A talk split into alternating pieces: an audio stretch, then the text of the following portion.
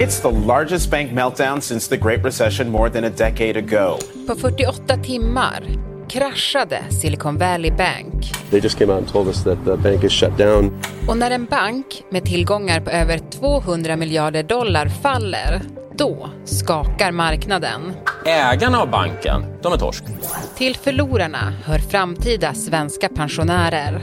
Och vem var fjärde största ägare av Silicon Valley Bank? Svenska pensionsjätten Alecta. På en kvart får du veta varför en krasch i en mindre techbank skakar hela världsekonomin och varför vi inte kan andas ut än. A wave of fear. Det är torsdag den 16 mars. Det här är Dagens Story från Svenska Dagbladet. Med mig, Alexandra Karlsson.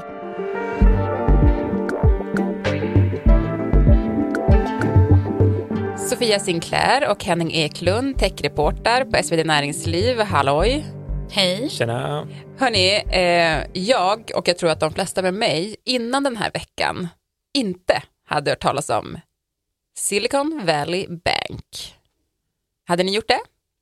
Eh, nej, Nej, inte jag heller. men om du hade varit eh, startupgrundare eller riskkapitalist i USA eller kanske framförallt i Silicon Valley så hade du nog gjort det. Mm. För att det var ju, den var ju otroligt känd där men inte för oss eh, här i Sverige. Mm. Men vad är det för bank då?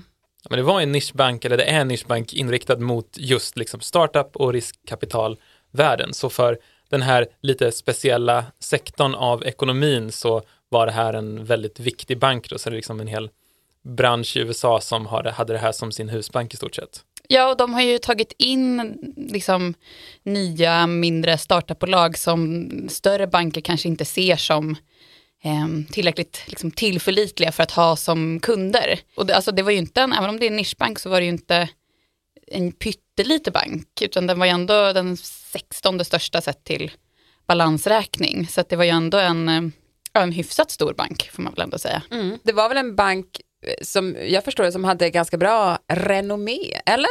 Ja, men för en vecka sedan när vi spelade in det här så hade det här Moody's, det här kreditinstitutet som ju anses vara eh, en av de främsta då, ett, ett bra kreditbetyg som säger att det är låg kreditrisk i den här banken, de har stark återbetalningsförmåga och av 23 aktieanalytiker som har som jobb att följa den här banken så var det 11 som rekommenderade köp aktien, 11 rekommenderade behåll och en rekommenderade sälj eh, då i onsdags förra veckan.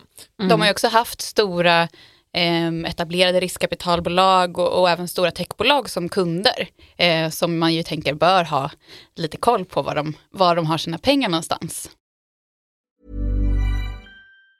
Say hello to a new era of mental health care.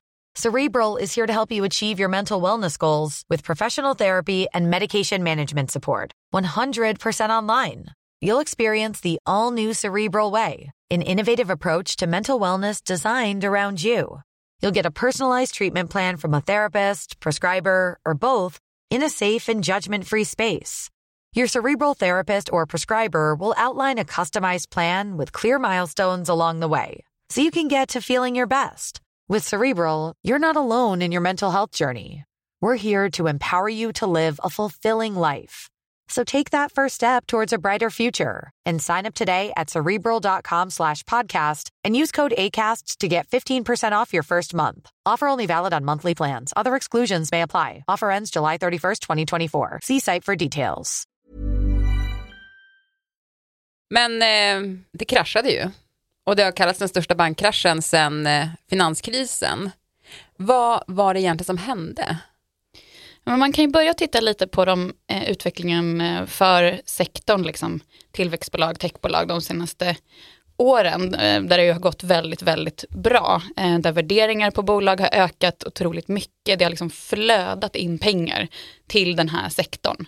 När liksom techbolag har fått då investeringar så har de ju satt in sina pengar i Silicon Valley Bank och då har ju insättningarna ökat dramatiskt de senaste åren. Mm, så när banken har fått in jättemycket pengar, vad har man gjort med de pengarna? Jo, men man har gjort investeringar och det är egentligen inga konstiga investeringar som på pappret, det är ganska säkra grejer. Man har köpt räntepapper, statsobligationer, men problemet då som har visat sig sen är att de är bundna på väldigt lång tid, det kan vara liksom om tio år är den här pengarna bundna. Och sen när räntorna då har ökat både i USA och resten av världen så har värdet på de här investeringarna minskat. Eh, och då så eh, har man behövt sälja de här investeringarna, eller de här värdepapperna och statsobligationerna till eh, förlust. Och då behövde man ta in motsvarande ungefär 20 miljarder kronor i nytt kapital. Och när det blev offentligt så utlöste ju det lite panik. Mm. Kunderna börjar ta ut sina pengar helt enkelt. Ja men exakt, det börjar lite visklek att så här, oj den här banken har problem, vi kanske ska ta ut våra pengar härifrån. Eller en, ett riskkapitalbolag som säger till sina bolag som de har investerat i att ni borde nog ta ut era pengar härifrån. Och det är ju liksom verkligen en självuppfyllande profetia. Säger man den här banken har problem, ta ut era pengar, ja men då kommer den banken att få problem. Eh, och vissa har ju påpekat att så här, ja, men det här spreds ju också otroligt snabbt via Twitter, att det var liksom en Twitter, eh, liksom en, en bankrun som startade på Twitter om man ska hårdra det lite grann. Kunder började då plocka ut sina pengar. Alltså vad blev effekten av det?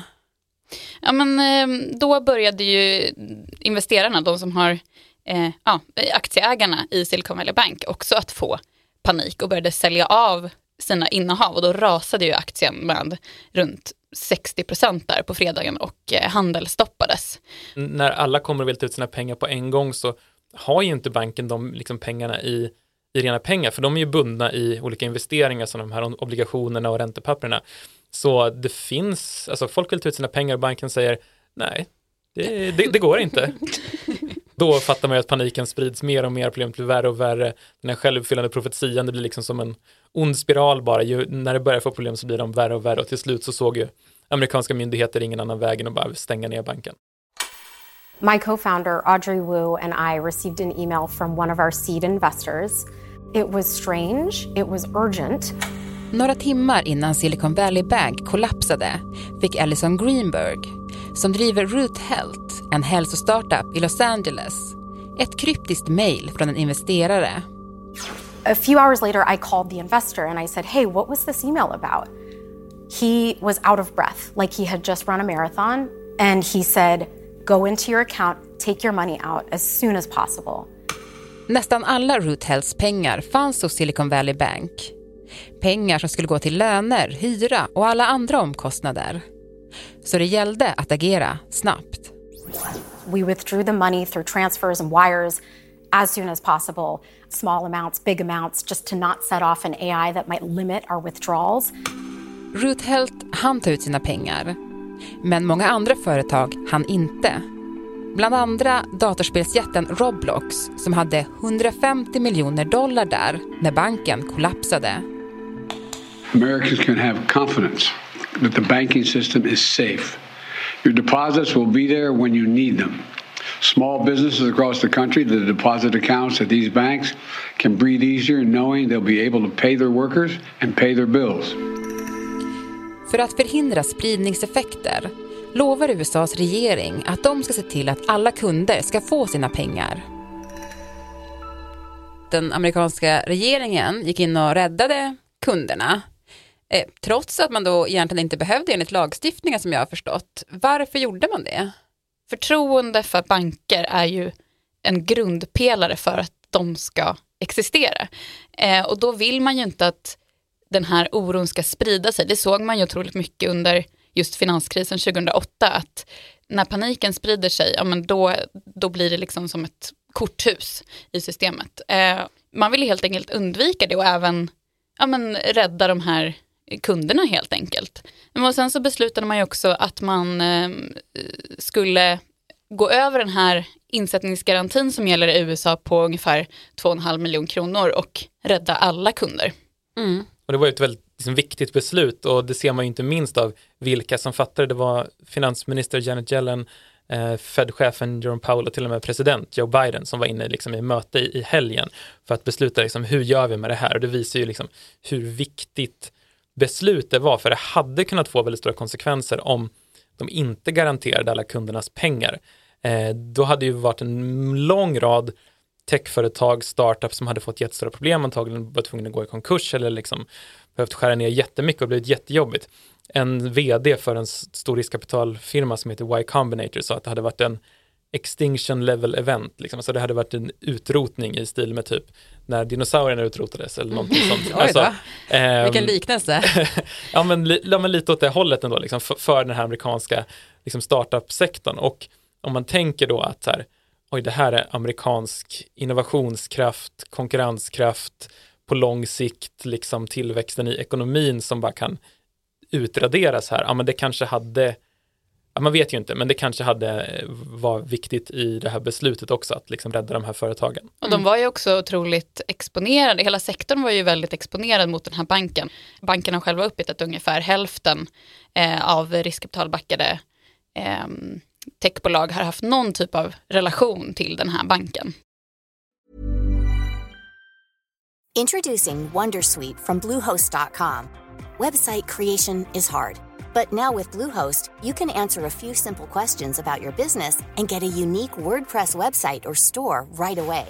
From there, you can customize your design, colors, and content. And Bluehost automatically helps you get found in search engines like Google and Bing. From step-by-step guidance to suggested plugins, Bluehost makes WordPress wonderful for everyone.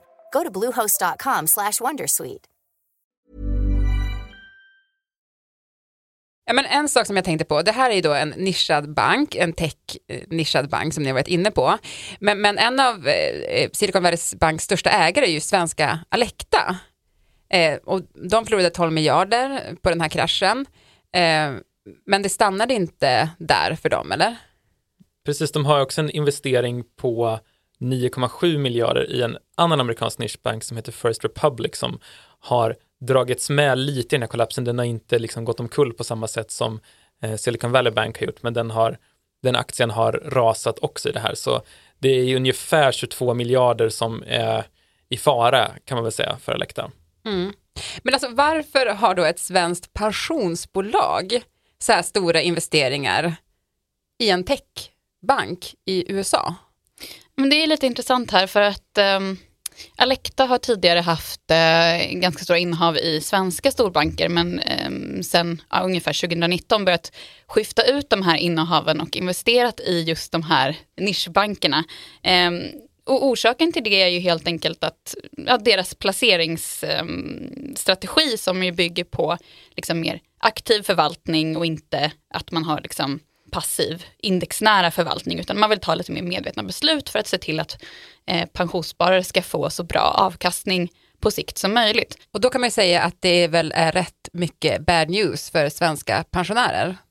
Alltså det ser ju verkligen inte bra ut för Alecta tänker jag. Det är ju liksom inte den bästa PRen här efter att ha lagt om sin investeringsstrategi och sen så går det liksom åt helvete direkt. Det kan ju inte vara så roligt för dem. Däremot för liksom svenska pensionssystemet sånt, visst så här 22 miljarder låter väldigt mycket, men ja, Alecta förvaltar ungefär 1200 miljarder kronor, så det är ju, alltså för i, i det perspektivet så är ju 12 miljarder inte jättemycket pengar. Mm. Nej, och sen så har ju också Pensionsmyndigheten gått ut och sagt att ja, men så länge det är begränsat till de här bankerna så ser inte vi någon risk för det svenska pensionssystemet. Och det är klart att det kommer väl påverka människor, eh, men man ser inte att det är liksom, eh, systemkritiskt för det svenska pensionssystemet. Mm. Det är bara våra pensioner som det är kritiskt mot. Hörni, jag tänkte vi ska försöka blicka lite framåt. Och det man har sagt kring den här kraschen är ju då att amerikanska centralbanken Feds eh, snabba räntehöjningar kan ha spelat in. Eh, man har också pratat om att Ehm, det här är den största bankkraschen som vi var inne på sedan Lehman Brothers 2008. Alltså finns det någon risk att ehm, det här får ännu större effekter på världsekonomin? I nuläget så ser det inte ut så. Sen så kan, jag menar för en vecka sedan så visste inte vi att det här skulle hända. Så att, eh, jag vill verkligen understryka att i nuläget så ser det inte ut så. Och sen så har ju också både mm, liksom Federal Reserve och eh, också svenska Finansinspektionen har ju gått ut och sagt att banksystemet generellt är betydligt mer robust idag än vad det var under eh, finanskrisen.